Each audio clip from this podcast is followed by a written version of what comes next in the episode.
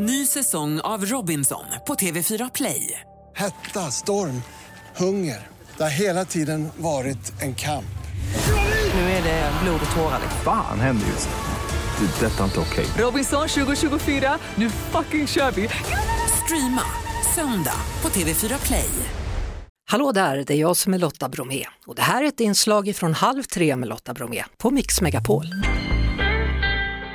Apropå Stranger Things. NASA berättade i förra veckan att de ska inleda nya undersökningar av ufo-fenomen på ett mer vetenskapligt sätt och nu har även Ryssland sagt att man ska göra en liknande studie. Claes Svahn, du är, jobbar på Dagens Nyheter, är ufo-forskare i Sverige. Hej, välkommen! Hej, hej. Vad är det de ska studera? Det är en ganska liten studio, studie ska jag säga. Den är bara ungefär 800 000 kronor som man lägger in i den. Så att det blir en förstudie egentligen. Man ska titta på vilka data som finns kring de här okända föremålen och hur man i framtiden ska kunna hitta nya data. Och det finns ju då NASAs alla satelliter till exempel. Man kan ju tänka sig att de tittar ner mot jorden och ser saker som händer här i atmosfären. Det är ju en sån sak då.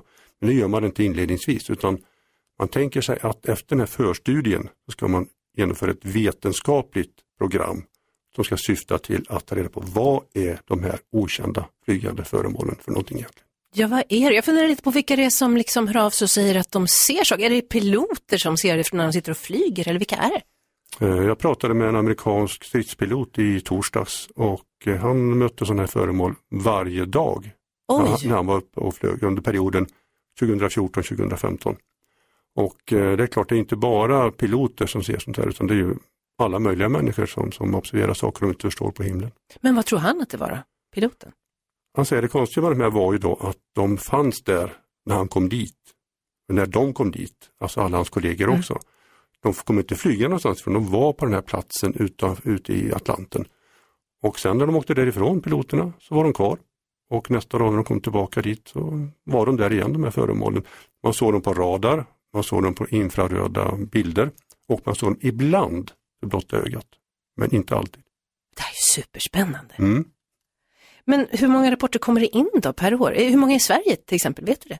Ja, UFO Sverige då som jag är vice ordförande och jobbar på min fritid inom får in ungefär en rapport om dagen. Mellan 300 och 350 rapporter om året och de allra flesta är ju då ganska enkla ljusprickar och man har sett fel på olika saker men en del av rapporterna är ju då väldigt spännande och föreställer föremål som man ser kanske då i fullt dagsljus. Mhm. Vilken är den mest kända, eh, Eh, det mest kända ufo inom citationstecken, om man nu, saker man har sett? Alltså I Sverige så är ju ett fall från 1946, det är jättelänge sedan, eh, med Gösta Karlsson kallas Pollenkungen. Han mötte då, säger han, varelser och såg ett landat flygande tefat. Där står ju idag i den gläntan utanför Ängelholm ett monument i betong. Och det är ju det som gör fallet känt. Folk kan åka dit och titta och eh, det är ett av Ängelholms stora turistattraktioner. I vilket land finns det flest rapporter då? Var ser man mest konstiga saker i himlen?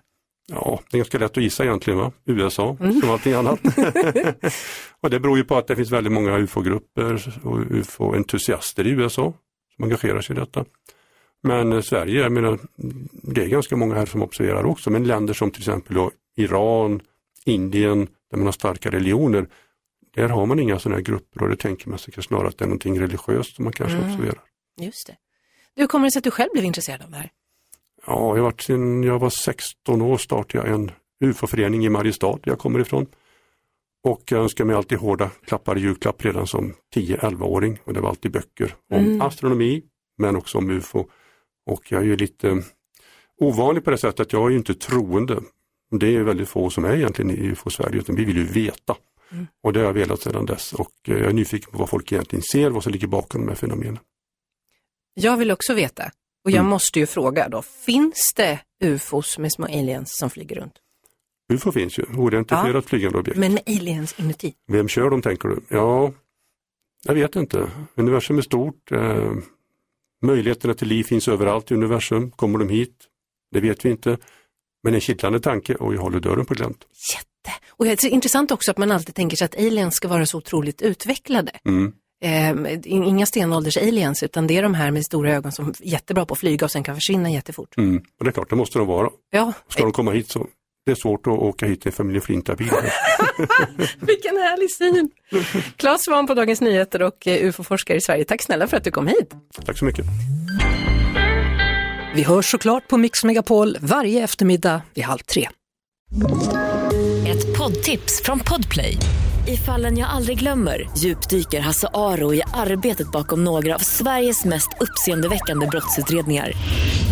Går vi in med hemlig telefonavlyssning och, och då upplever vi att vi får en total förändring av hans beteende. Vad är det som händer nu? Vem är det som läcker? Och så säger han att jag är kriminell, jag har varit kriminell i hela mitt liv men att mörda ett barn, där går min gräns. Nya säsongen av Fallen jag aldrig glömmer på Podplay.